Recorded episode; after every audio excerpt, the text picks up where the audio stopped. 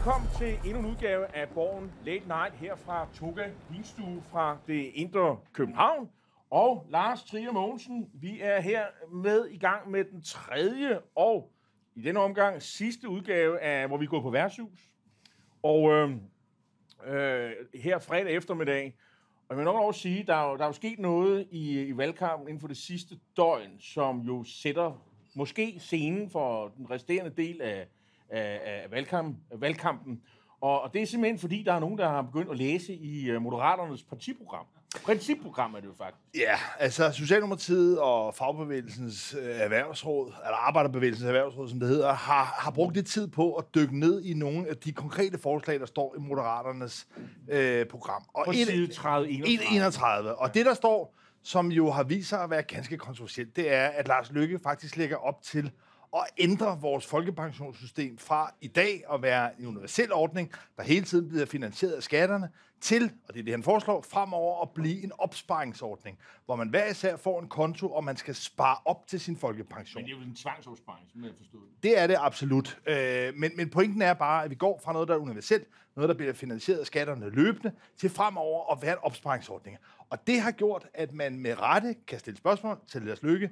Vil han så afskaffe folkepensionen, som vi kender den?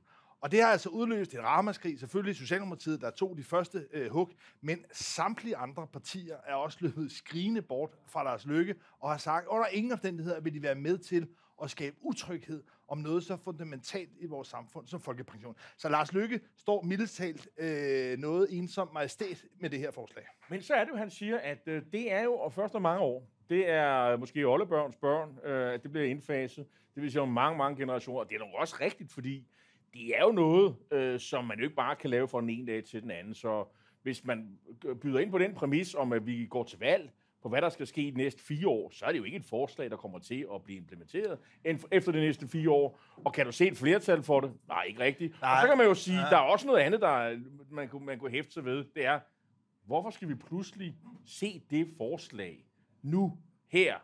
Er det fire dage før, at, at valgstederne åbner? Det kan jeg godt give dig. Nej. Nå, kan du, kan du, nå. Og det handler om, at det her, han, altså det her, kernen i det her er ikke, hvad Lars Lykke egentlig havde forestillet sig, der skal være fremtidige pensionssystemer. Nej, det er snarere en syretest, en politisk syretest af moderaterne. Er de lilla, som han selv hævder, eller er de i virkeligheden blå? Og man må sige efter det her syrebadstest, at Lars Lykke er faldet ud, syrebadet er stået og dampet, og farven er blå.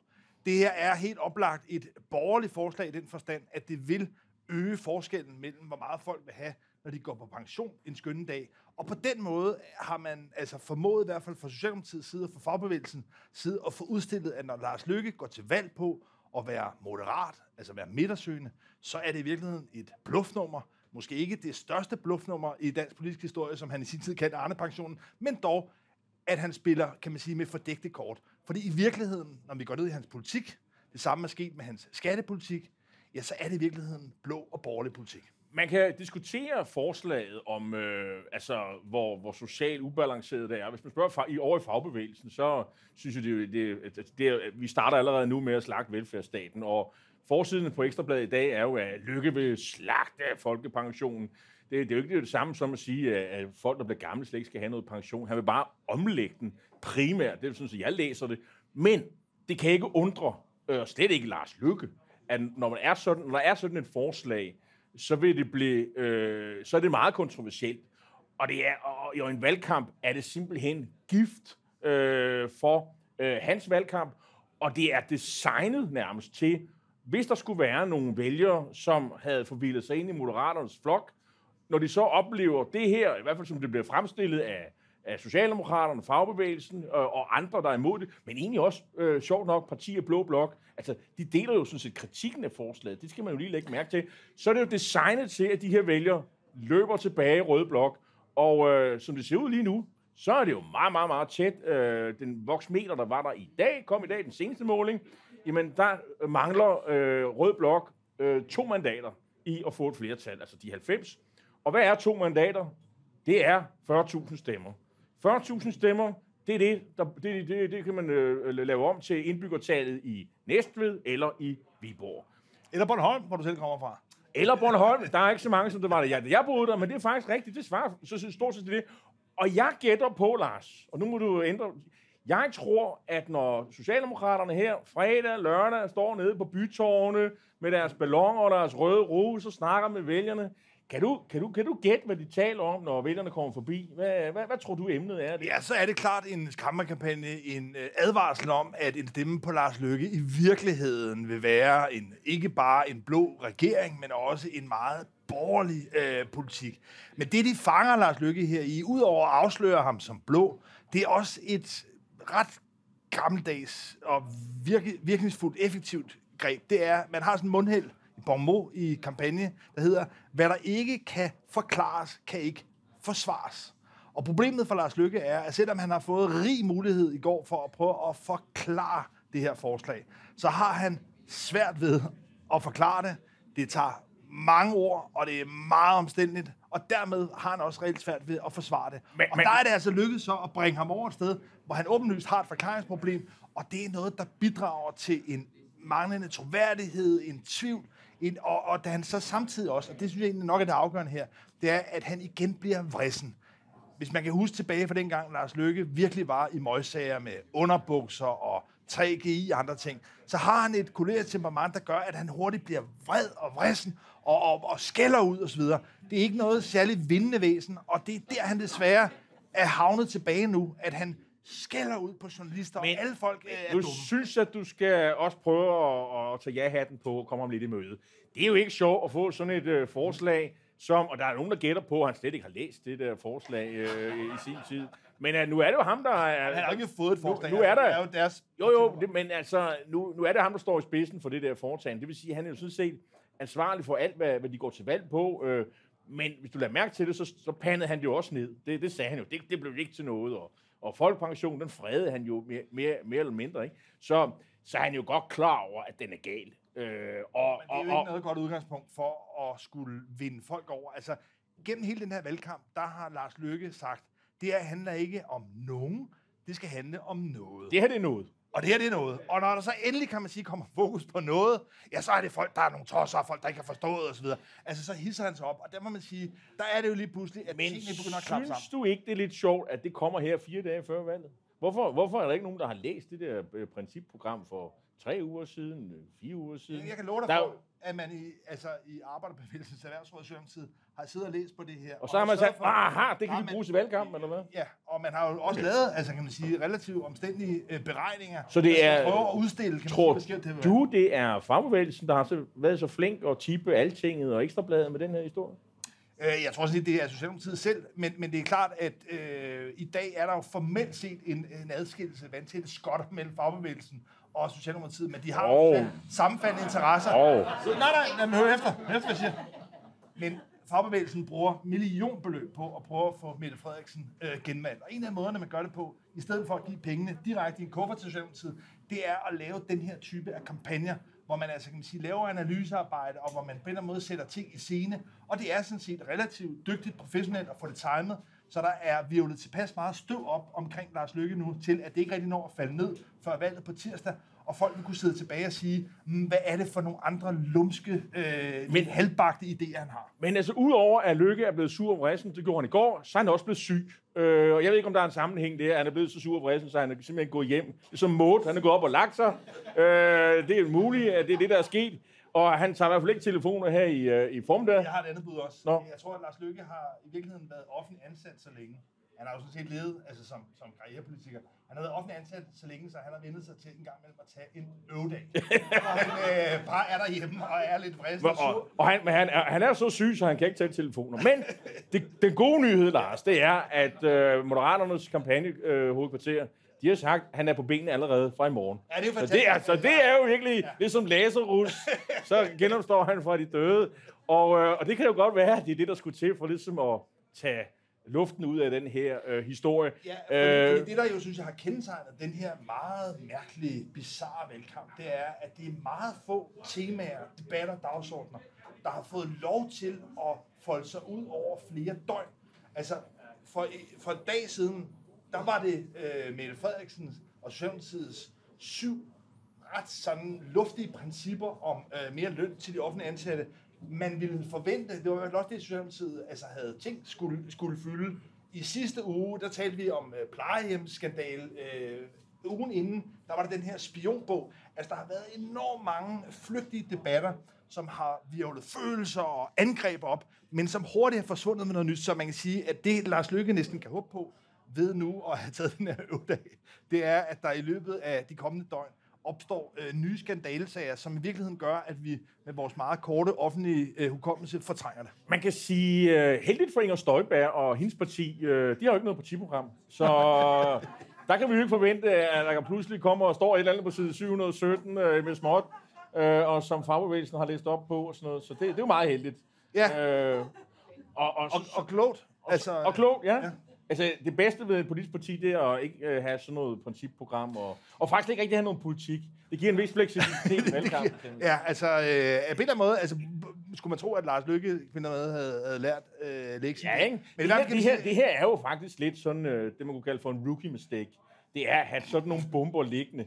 Men han gad vel ikke læse sit eget principprogram? Det er, det, er, er, er det ikke en meget plausibel forklaring? At det, det havde han ikke rigtig tid til? Jo, men altså, der er jo også et element i Moderaterne af at være sådan et altså, yber-teknokratisk øh, parti. Altså ikke nødvendigvis kandidaterne, men, men, men i Lars Lykkes egen tænkning, at han har siddet, kan man sige, som statsminister, tidligere som finansminister, med en masse kommissionsrapporter og ekspertudvalg, der er kommet med meget sindrige, byzantinske forslag til, hvordan man kunne ændre øh, regionerne og alle mulige ting. Og der tror jeg faktisk, Lars Lykke... Altså, der er en betalingsmand. Der er, ja, men i hvert fald kan man sige, tror jeg, at han har været næsten besat af nogle af de her forestillinger om at lave øh, de her konstruktioner, ligesom man lavede med kommunalreformen, strukturreformen tilbage i, i nullerne. Og jeg tror vidderligt, det er noget, der har optaget ham. Og så de her forestillinger om, hvordan pensionssystemet om 50-70 år skal indrettes, det tror jeg faktisk er noget, men, der har men, optaget ham. Jeg vil sige, det er lidt useriøst, vi skal diskutere pensionssystem sidste fire dage af en valgkamp, hvis det er noget, der først sker om 60 år. Det må vel være sådan rent savligt. Det må være rent savligt, at, at vi skal diskutere, hvad der sådan skal ske næste fire år. Og der vil det her forslag, det passer det vel ikke rigtig ind i det. Altså. Nej. Det svarer lidt til, altså, det er vel mere aktuelt at diskutere, hvad enhedslisten øh, mener om, øh, om, om NATO-medlemskabet. Det, det, der, det, det, er der lidt tættere på, end et pensionssystem, der rækker ikke... til, ud i 50 øh, år fremtiden. Er det ikke? Jo, altså, men hvis, hvis jeg nu skal prøve at komme Lars Lykke en lille smule i møde, ikke? så er det... Ligger der Ja, men man kan sige, hvis vi ser på det mønster, der har været, øh, måske mest ikonisk tilbage i valgkampen i 98, hvor daværende socialdemokratiske statsminister Poul Nyrup Rasmussen kom med en efterlønsgaranti. Han lovede simpelthen vælgerne, at efterlønnen, det vil der ikke blive rørt ved. Så hvad skete der umiddelbart efter valget? Hupti, vupti, så lavede man en ændring af efterlønnen. Og jeg tror, der er mange, der sidder tilbage, og det er også derfor, det her pensionsspørgsmål er så elektrisk. En fornemmelse af, at politikerne lige pludselig over natten, ud af det blå, laver nogle ting. Så det Lars Lykke i virkeligheden forsøger her, måske lige i god nok tid, det er at prøve at forberede på nogle af de store og ret tunge beslutninger, der skal træffes som pension. Men. Så jeg tror i virkeligheden, at det, det vi mangler i det her, det er Socialdemokratiet, Venstre og de andre partier, de kommer også på et tidspunkt til at skulle komme med nogle forslag til, hvordan man håndterer de ekstremt stigende udgifter, der vil være både til øh, folkepension og til ældreomsorg, men de putter med det, de venter med at træffe de beslutninger, til lige pludselig vi får det at vide. Og på en eller anden måde er der vel noget meget sundt i folkestyre ved, at nogle af de store, vigtige beslutninger, at de bliver diskuteret ildet i offentligheden, før de bliver truffet. Og man kan sige, at altså, Lykke har jo ikke lagt skjul på, at hans parti er et reformparti, så på den måde uh, giver det jo sådan set god mening. Men det var måske ikke lige det her, øh, øh, folk havde forestillet sig. Men vi er, nu kender vi jo ikke rigtig uh, moderaternes uh, vælgere. Det kan jo være, at de alle sammen synes, det er en helt fin idé, og vi kan lade os komme i gang i morgen. Øh, det ved vi faktisk ikke. Men jeg, jeg tvivler nok på, at de fleste af dem, der er hos ham lige nu, det er sådan nogle øh, øh, 3F-typer. Det, det tror jeg faktisk ikke. Og det er der, hvor velfærdsstaten måske er mest interessant. Men jeg er enig med din altså, øh, kan man sige, tese, påstand før om, at det her er måske nok til at kunne flytte de her godt 40.000 vælgere, der i virkeligheden kun skiller blokkene. Men Så det er, i hvert fald, det er i hvert fald, kan man sige, noget, der, øh, der vipper det, der lige pludselig gør det her valg øh, meget usikkert. Men hvis vi nu kigger på, hvordan Socialdemokraterne kommunikerer øh, omkring det her med, jamen, hvad er det for et flertal, de går efter? De har jo startet med at gå ind i den her valgkamp og sagt, vi vil have en, en midterregering, vi vil øh, samarbejde hen over midten, øhm, VK har slået fra sig med syv kors, øh, og så er der Lykke tilbage. Og Lykke har også sagt, at Socialdemokraterne skal med. Det har været meget vigtigt for ham. Nu synes jeg, vi hører noget, øh, hører noget fra Lykke i går, hvor han siger, og det er sådan set kronen på værket i går hos øh, Clemen Kærsgaard, hvor han siger noget i retning af, at øh, altså, han har svært ved at se sig selv i en regering sammen med Mette Frederiksen. Det vil sige, det bliver, nu begynder det sådan at sige, okay, det er ikke Socialdemokratiet, der er problemet, det er Mette Frederiksen, der er problemet.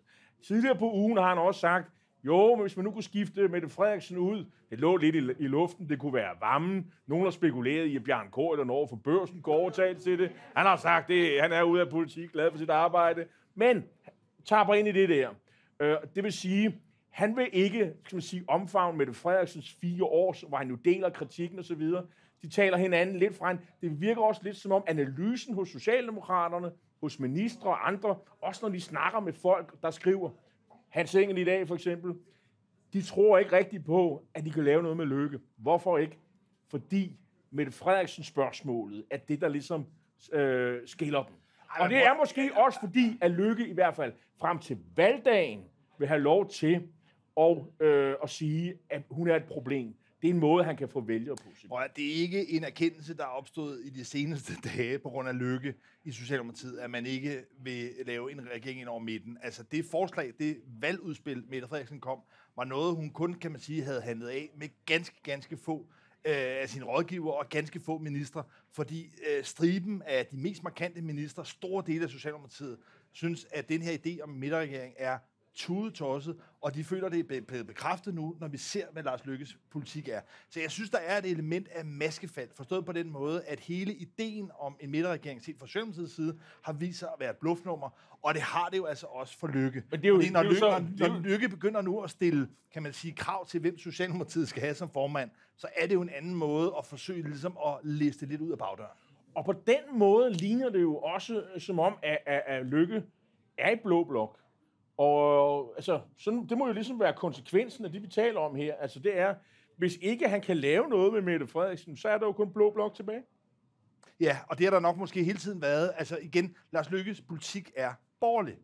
Og vi står i den situation, hvis vi kigger på styrkeforholdet, det er, at den øh, blå-lilla blok, hvis vi skal, altså, vi, kan vi sige, der er en rødgrøn blok, det er dem, der regerer nu, og så er der en blå-lilla blok, som altså lige nu ser ud til at have fået flertal. Og der er det klart, at det forløb, der har været i de seneste par døgn mellem Mette Frederiksen og Lars Løkke, det er i hvert fald noget, der gør det meget usandsynligt, at Lars Løkke skulle være villig til at holde hånden under en socialdemokratisk regering. Så på den måde har de fået talt sig så langt væk fra hinanden, at jeg synes, vi nu har fået den her, øh, kan man sige, meget øh, klare farveopdeling igen, at det er altså igen rød blok mod blå blok. Men når stemmerne tales op, så starter spillet jo. Og hvis, hvis, hvis, hvis man kan sige det på den måde, at hvis der er rent rødt flertal, så vil Lars Lykke jo forsøge at, at finde ud af noget alligevel. Så er Mette Frederiksen formentlig ikke noget problem længere. Fordi så er der jo et flertal bag hende. Øh, og så vil han jo bare prøve på at komme ind og få noget indflydelse. Hvis han bliver tunge på vægtskålen, så starter spillet, og, øh, og så vil han jo prøve at handle. Og øh, hvad det ender med, det, det kan jeg simpelthen ikke forudsige. Og det er der ikke ret mange, der kan. Blandt andet fordi, at øh, man må give lykke. Han taler ikke med ret mange om det her, om nogen. Der, der er simpelthen ikke nogen, der kan sige noget. Der siver ikke til nogen. Der er ikke en rådgiver, der visker nogen i øret. I hvert fald ikke nogen journalister, der kan sige noget om det. Der er ingen sådan reelle teorier om, hvor han skal hen. Det har formentlig også været øh, øh, hans plan fra starten af. Det er, at der skal være maksimal forvirring om, hvad der er hans planer og det bliver selvfølgelig også enormt spændende at se, øh, og det finder vi først ud af efter utallige dronningerunder, og hvad der egentlig er hans plan. Men altså det, der har været Lars Lykkes allerskarpeste styrke gennem mange år i politik, det er, at i blinkekonkurrencer, altså hvor man sidder over for hinanden og konkurrerer om, hvem der blinker først, der er Lars Lykke god til at holde øjnene åbne og lade være med at blinke og vente på, at modparten gør udfaldet. Og der kan du være helt sikker på, at når vi står onsdag morgen ja, der vil han sidde med spil åbne øjne og bare vente på, at Mette Frederiksen og de andre på en eller anden måde til sidst i træthed øh, begynder øh, at, at blinke. Det er han altså god til, og det er det, der giver, kan man sige, en enorm taktisk overhånd i de her spil. Hvis han har de afgørende mandater, så den her attitude med at lade sig trænge op i hjørnet og bare vente på, at de andre bliver desperate. Det tror jeg er den taktik, han vil bruge. Plus, og han vil bruge alle mulige regler, spilfægterier, grundloven frem og tilbage. øh, vi vil ændre spillet af ministerposter, de vil blive brudt op og alt muligt. Alle mulige forskellige konstellationer øh, vil han gøre for at holde sig til bordet og gøre sig relevant Så, så et eller andet skal han nok komme hjem med. Det, det er jeg ret overbevist om. Øh, næsten uanset, øh, hvad udfaldet bliver på, på, på tirsdag. Men altså der, hvor den står, kan man sige, det er, at øh, Rødgrøn Blok står lige nu til at have en 4, 3, 4, 85 mandater. Så kommer der tre oveni fra øh, Nordatlanten. Og hvis Alternativet så også kommer ind, så begynder den altså at være meget, meget tæt de, på. og, Så de er, og altså- de er jo faktisk inde i voksmeter i dag, så det vil sige, de skal bare have de sidste to, 40 40.000 øh, stemmer. Ja, men nu hjem. ved jeg ikke, altså nu er der mange øh, målinger derude, og jeg tror, man går klogt i, kan man sige, ikke ligesom at styre efter en enkelt måling, for der er sådan nogle huseffekter på mange målinger, der gør, det kan man gå ind og google sig frem til, som gør nogle af de her Men, målinger... men, Lars, men Lars, der har jo faktisk ikke rigtig været nogen måling i lang tid, der har vist det rene røde flertal. De, de, de er alle sammen nogen, der viser, at Lykke har flertallet, eller er sko, tunge på vægtskålen. Det kan selvfølgelig være, at den her pensionssag, den ændrer øh, på det billede, men det er bare, det er sådan, som sagerne står lige nu. Men, men altså, der har jo været, kan man sige, to udviklinger, som jeg synes, man må give Mette Frederiksen, har været veltimet, og som giver en dynamik i ret- hendes retning. Altså dels hele den her sag om angrebene på Lars Lykkes pensionsforslag, men så jo også den her lancering af de syv principper for højere løn. Og der er ikke nogen tvivl om, at det altså på mange måder er luftigt, de her principper strider mod hinanden. Der er ikke nogen sådan indre logik i det. Men jeg synes, Mette Frederiksen forleden på plejecenter Sølund her i, i København formåede at stille sig præcis samme sted, som hun stod for snart fire år siden, da hun lancerede de syv principper til Arne-pensionen, hvor hun også dengang havde 3 milliarder kroner. Og det gjorde ligesom, kan man sige, den debat, der har været de seneste dage, at hun har kunnet afværge meget af kritikken ved at sige, at altså, sidste gang vi gjorde helt det samme, vi så samme sted, vi havde syv principper, 3 milliarder kroner, der gik det jo. Der lykkedes det os at finde det her. Og på den måde synes jeg altså, at i forhold til den sådan forventede kritik, der vil være af de her principper, der synes jeg egentlig, hun har sluppet meget godt afsted med det. Der er blevet er opstået en forventning i mange kan man sige, ret afgørende vælgerkredse, kernevælger, offentlige ansatte, af at det her faktisk nok kommer til at kaste nogle flere lønkroner af sig. Ja, men om mange år, og, øh, og, og, og der vil altid være nogen, der er skuffet, øh, og, øh, og, det er jo, og det er jo heller ikke fordi, at man sådan hører sygeplejerskerne sådan klappe i, i hælerne. Det er jo klart, at den etablerede fagbevægelse, de klapper i hælerne og så videre. Men det gør de selvfølgelig også i den her fase af valgkampen. Det bliver de nødt til. Hvad, hvad havde alternativet egentlig været? Jamen- At, at, de havde trukket bukserne ned på Mette Frederiksen øh, her en uge før valget, det havde aldrig sket. Selvfølgelig er det aldrig sket. Det her er selvfølgelig klappet af med fagbevægelsen og så videre, men derude blandt de her mennesker, som har sat næsen op for det, er der sådan en fuldstændig frydeskrig, og nu går vi til valgurnerne, stemmer på Socialdemokraterne, og så får vi måske 2.000 kroner om måneden, øh, nogle af os om 8 år, når det hele er, er, er indfaset. Jeg, jeg ser det ikke for mig. Ser du noget i målingerne, der tyder på det? Øh, ikke rigtigt. Øh, hvis Men du tager jo i hvert fald- usikkerhed ind over, så er der ikke noget. Det kan godt være, at øh, målinger hen over weekenden, der kommer en i dag i mikrofon, der kommer, øh, som det plejer at være om fredagen, der kan komme en opinion i morgen, om lørdagen, det plejer at gøre, og så kan vi så se voksmeter her til sidst. Det kan også godt være, der kommer et skub. Du har bare ikke set det nu. Du, men- man kan håbe, og man kan... Ja, ved jeg har set? hvad, hvad har du set? Jeg har set målinger, hvor konservative ligger under 6 procent. Altså, konservative... Du altså, skifter du vist emne. Nej, det gør jeg ikke. Nå. Nej, det gør jeg ikke.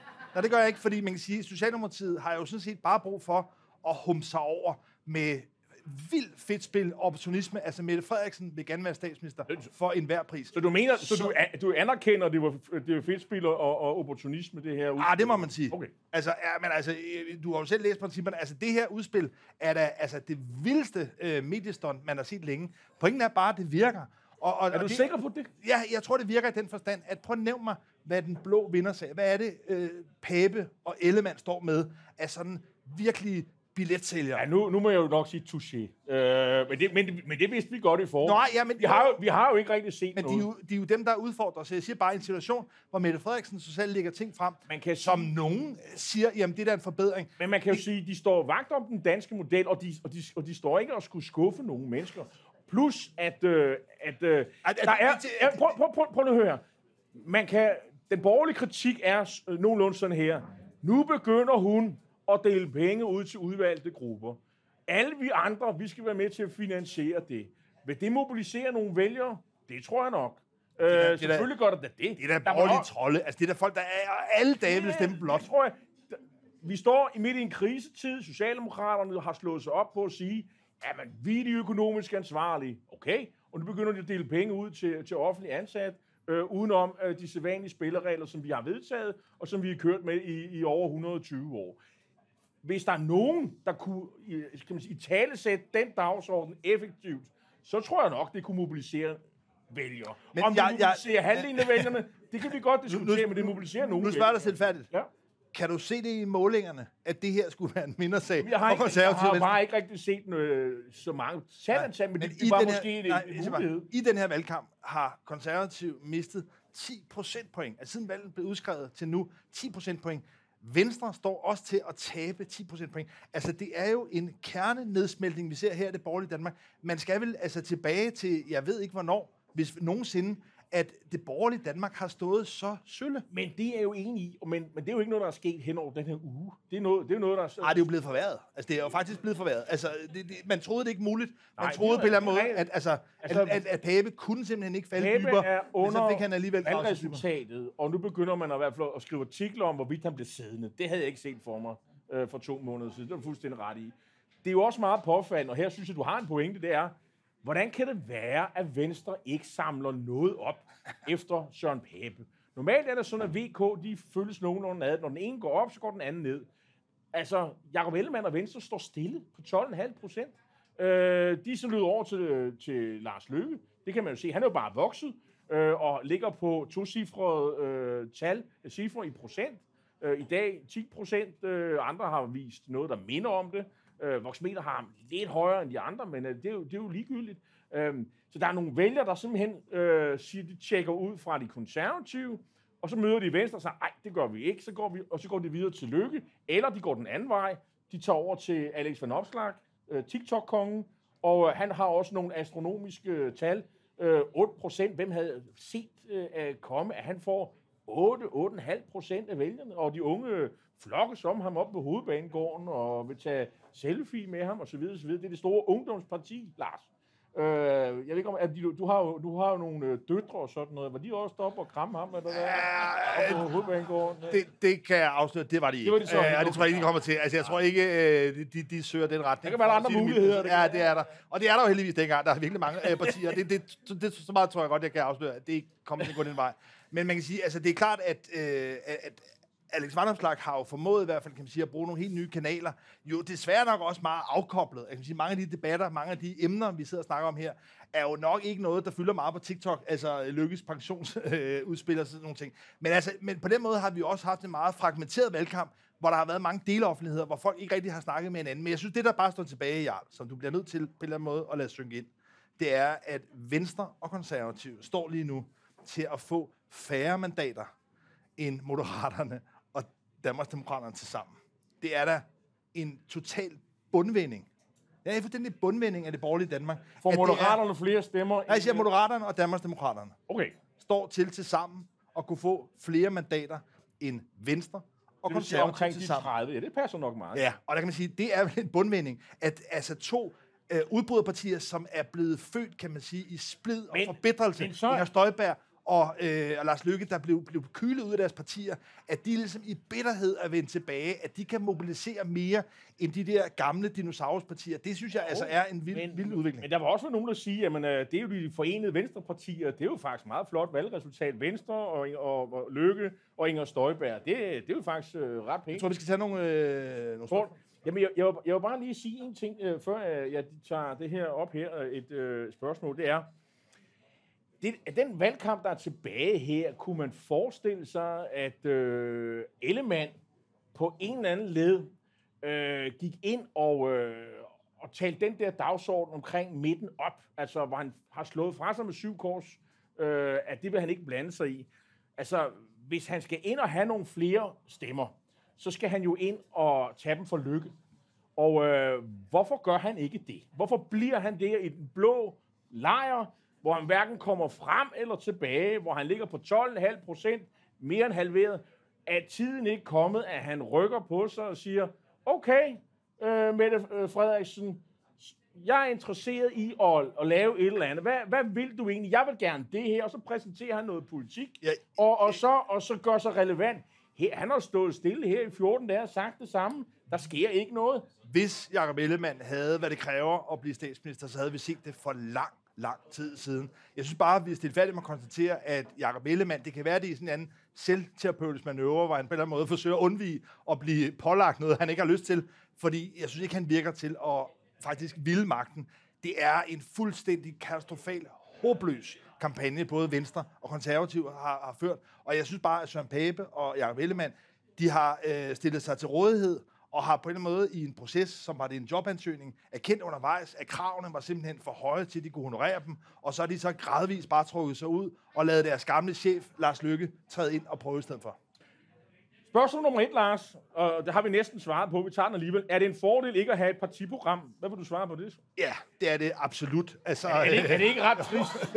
Er det ikke ret Jo. trist egentlig? Jo, altså, øh, fordi nu var du selv inde på det med enhedslisten. Altså, de har jo stadigvæk et principprogram, hvor de blandt andet øh, skriver, at de vil ud både af NATO og EU. Det vil de så i virkeligheden ikke inde i folketingsgruppen osv. Det er jo et andet eksempel på, at, øh, at de her ord rent faktisk kan øh, fange og være ubehagelige i en valgkamp. Så det, jo, det er trist, det er absurd, men, øh, men sådan er den her moderne, flygtige øh, politiske kultur. Og her er et spørgsmål fra Generation Z, altså de unge mennesker. Har I som kommentatorer et ansvar for, at nogle store sager, for eksempel klimakrisen, ikke bare bliver endnu en sag på linje med ugens taleemne, for eksempel Lykkes Sygedag. sygedag? Prøv ikke at give et TV2 Newspeak-svar, hvad det så end er. Øh, jeg vil sige, jeg vil sige, at øh, det vi taler om her, det er det, vi tror flytter vælger. Vi er jo ikke, øh, altså, vi er jo ikke en talestol for, at det her er de vigtigste emner. Vi, når vi taler om det her, så er det, hvad er det, vi tror, der er sket i valgkampen, som har flyttet vælger. Jeg er enig i, at klimakrisen er en vigtig sag. Det tror jeg faktisk er meget generelt. Men hvis ikke den afføder noget konflikt, øh, så det er ikke rigtig talt om det. Altså, det handler lidt om, at nogen skifter holdning meget pludselig, eller man angriber hinanden på kryds og tværs. Øh, det er jo lidt en sag, hvor man jo ligesom har forstået på, at der bruges enormt meget tid på konsensusbygning. Man har lavet klimalov, man har lavet den 70% målsætning, men det virker ikke som om, at måske lige bortset fra Alternativ, Fri Grønne og Enhedslisten, nogle gange de radikale, så er det ikke en sag, der sådan bliver slået, hvor man bruger til at slå hinanden hen over, i hovedet, hen over midten, hvor, hvor, hvor, hvor valget bliver afgjort. Altså, det er jo ofte en kamp om midtervælgerne, og de midtervælgere er måske ikke helt så meget optaget af klimakrisen, som man er på i Alternativet og på Enhedslisten og hos de radikale. Er, er du enig i det svar? Ja, ikke helt. Altså, jeg vil sige, at Mette Frederiksen har sagt i hvert fald én rigtig ting i den her valgkamp. Og det er, at det kræver et øh, rødt flertal at føre grøn politik. Og det har den her valgperiode vist, at hvis det ikke var for øh, de røde partier, så havde man hverken fået øh, klimaloven, og man havde heller ikke fået de lidt øh, nølende forsøg på at sætte gang i en, en grøn Men, omstilling. men, men prøv Og- og er her, bare- hvorfor taler vi ikke om det? Det, det var det, der var spørgsmålet. det kommer svaret nu. Okay.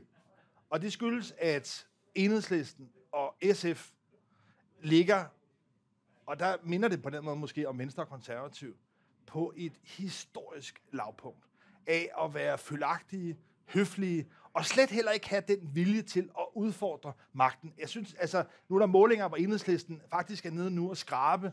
Øh, 6% i dag, vores meter. Det er, ved du hvem der sidst øh, enhedslisten lå dernede? Hvem der var øh, leder? Ja, det, gjorde, det var Pernille rosenkrantz. Ja, præcis. Den nuværende socialdemokratiske øh, børneminister. Men vi skal altså helt tilbage til begyndelsen af nullerne, før enhedslisten øh, lå så lavt. Og det synes jeg faktisk på mange måder, at der er en højere retfærdighed i. Fordi enhedslisten, som socialt på Christiansborg har været nogle af dem, der har presset på for klima, de har ligesom accepteret, at Mette Frederiksen ville have den her midterregering. De har ikke udfordret. De har ingen... Altså tænk, at det er Mette Frederiksen, der skal sige, at det, at det kræver et rødt flertal at føre grøn politik. Tænk, at det ikke er enhedslisten og SF, der på en eller anden måde fører det frem, for lavet den skillelinje. Så jeg synes også, det er et udtryk for, at de øh, politiske partier, som vidderligt har været banebrydende, har været dem, der har drevet den grønne øh, omstilling, at de på en eller anden måde er blevet sovset ind i sådan en forestilling om, at netop det skal være brede forlig, og det skal være langsigtet, og den her hockeystav er nok alligevel det, vi skal satse på til sidst med et eller andet teknologisk fix.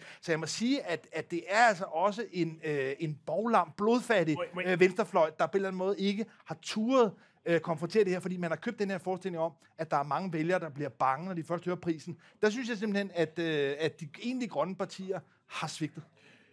Jeg vil også sige, at der er måske to håndtag, som man ikke sådan bare kan øh, øh, skal sige, øh, øh, tage fat i meget hurtigt for at nedbringe det her CO2.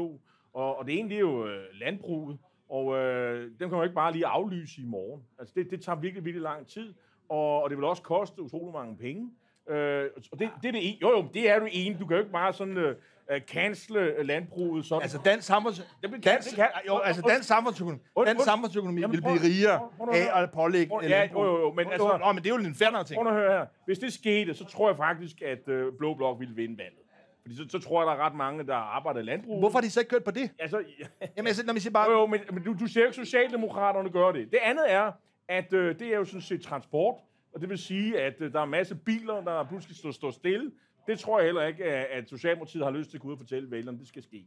Og det er de, de to håndtag, som man ikke bare sådan hurtigt kan, kan tage fat i for at, at bringe CO2... Øh, Men, men, men jeg bare lige for at svare endegyldigt på det der, så vil jeg sige, at jeg tror egentlig, at øh, hvis de blå partier ender med ikke helt at få de nok mandater, så tror jeg faktisk, at klimaspørgsmålet kan spille en stor rolle. Det gjorde det i hvert fald ved sidste valg. Når valget i 2019 endte med at blive døbt klimavalget, så var det ikke kun fordi klima, natur og miljø lå højt på dagsordenen, så var det faktisk også fordi, der var en hel del centrum højre vælgere, altså småborgerlige vælgere, om man vil, som på en eller anden måde synes, at det, de borgerlige partier havde at byde ind med på klimaet, simpelthen var for... Øh, for, for, for, for øh, for Nølende. Jamen, nej, nej, ikke bare nølende, bare useriøst. Altså, okay. bare, altså, og, og, og, det gjorde faktisk, at der var vælgere, der rykkede hen over midten. Jeg kan i hvert fald godt som borgerlig vælger se, at, øh, at de blå er i... Øh, der er sket noget. De har omfavnet den her 70% målsætning. Det, det, det, det gjorde de jo ikke for fire år siden.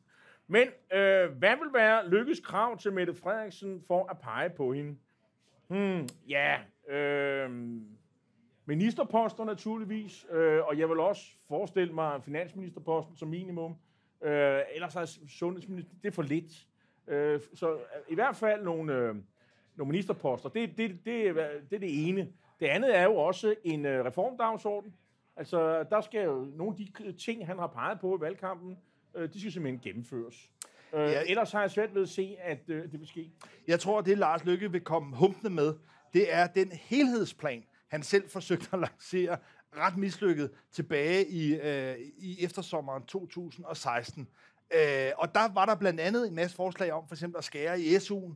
Jeg tror, at nogle af de politiske krav vil være noget, der kommer til at gøre rigtig, rigtig ondt på Socialdemokratiet. Og jeg tror, at Mette Frederiksen, da hun er villig til hvad som helst for at bevare magten, hun vil, vil, vil acceptere det. Så jeg tror, at vi står overfor, hvis Lars Lykke rent faktisk bliver konge med så tror jeg, at vi står overfor nogle drastiske omlægger, ikke mindst af SU'en. Jeg tror virkelig, at der er nogle af de unge mennesker, som øh, bærer de der igennem, som SU er jo nok ikke, der skal nok mere til. Øh, jo, men det er trods alt et af de områder, men jeg hvor, der, hvor, der er, hvor, Jo. der er, hvor det er nemmest for de gamle vælgere. Sundhed, sundheds, øh, på sundhedsområdet, Det koster penge. Det andet, det jo, giver penge. Jo, det, det er klart, men, men på sundhedsområdet hvad, hvad, hvad, hvad, kunne jeg forestille mig, at der kommer til at ske øh, en, en hel masse.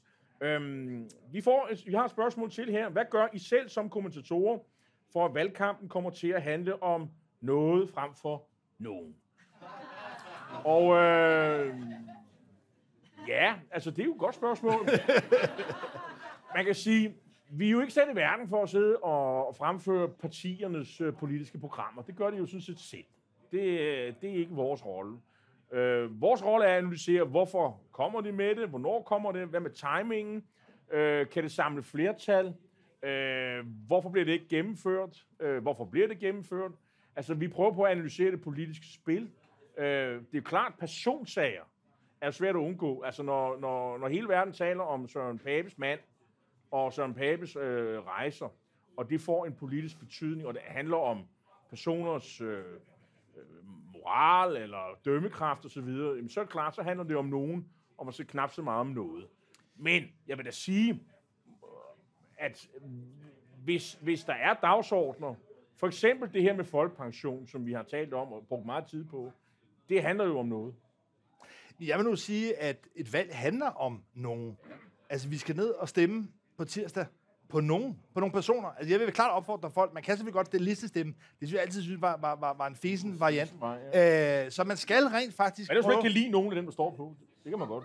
Ja, det kan man tit opleve, men, men, øh, men ikke desto mindre vil jeg bare altså, anbefale, at man rent faktisk tvinger sig selv til at stemme på nogen, for det er nogen, der sidder i Folketinget. Det er konkrete personer, og på den måde altså, er det jo et spørgsmål om, at noget på en eller anden måde skal altså, kropsliggøres i nogle konkrete politikere. Så på den måde altså, synes jeg ikke, at der er noget fordækt i, at man rent faktisk forholder sig til, hvem er det, der stiller sig op, hvem er det, der vil tage ansvar, og hvem er det, der på en eller anden måde også i kraft af deres øh, personlighed og deres bagage, deres troværdighed, rent faktisk måske øh, nogle gange ikke kommer til at gøre det noget, de ellers har hævdet valgkampen. Og man kan sige, øh, det her med, øhm, med nogen er jo også vigtigt. Altså, der er jo vælgere, som øh, rent faktisk øh, stemmer på en person, fordi de kan lide den personen. Altså, der, det er jo ikke alle vælgere, der øh, gider læse principprogrammerne, og det er måske meget godt, hvis man er moderat øh, vælger. Øh, men, men, øh, men de orker simpelthen ikke at sætte sig ind i, øh, i, i, i politikken i detaljer, ikke, ikke engang overfladisk. De ser nogle personer, som de umiddelbart har tillid til. Jeg kan huske min, øh, min, min, øh, min gamle farmor, og nu er vi tilbage i 60'erne, hun, hun stemte på Jens Otto Krav, og så spurgte min far, så sagde jamen mor, du er da ikke socialdemokrat. Og så svarede hun, nej, men han er sådan en pæn mand. og, hun skulle bare vide, kunne man, vil, vil, vil historikere så sige, men øh, det var da billedet, og han var da også en pæn mand, i hvert fald på overfladen. Og, Men min farmor, min farmor, ja. hun stemte så altid på radikale venstre, uanset hvem det var, fordi at hun var født i 1901, og hun mente stadigvæk, at hun skulle give kredit til, at hun mente, at det var radikal venstre, der havde givet kvinder valgret i, i Danmark. Og når jeg ved, at det var det, så var det fordi mange år, hun var ret svagt til så var det mig, der gik med ind i stemmeboksen og fik lov til at sætte øh, krydset frem til øh, Europavalget i 92. Det lyder ikke helt lovligt, det der. Jo, jo, jo. jo jamen, det er det nu. Man må gerne, hvis man ikke kan se, må man gerne have en hjælper med, okay. og man må faktisk gerne selv vælge en hjælper. Så i 92, øh, hvor hun jo så har været øh, 91 år, der var det, hun så sagde, det der med øh, Maastricht og sådan noget, det var ikke noget, der ville pågive hendes liv, der fik jeg lov til. Så jeg fik faktisk lov til sig selv at bestemme der, før, Jamen, det, da jeg var 17 år. Det, det var ikke helt lovligt. Det, den, den, den stemme må vi erklære ugyldig nu. Lars, jeg tror, at vi skal sige tak for den her gang. Men, tak. Jamen, jeg vil, bare, jeg vil bare opfordre til, at man rent faktisk svinger sig selv. Ikke bare til at gå ned og stemme, fordi det er en indlysende borgerpligt. Men man er faktisk også forholder sig til nogen, altså stemmer personligt. Og det er nogle gange en lidelsesfuld proces, og rent faktisk skulle altså gå på kompromis med alle mulige ting. Men det er altså nogen, vi skal stemme på, så stem på en person. Upsiden er, at det, det er faktisk stemme nummer to. Uh, man får faktisk indflydelse på, hvem der bliver valgt ind, så se det som en uh, stemme nummer to. Uh, og jeg er helt enig med dig. Tak for denne gang, og uh, tak til publikum. God uh, slutspurt i valgkampen, god og, valgdag. god, og god valgdag på tirsdag. Tak fordi du så med.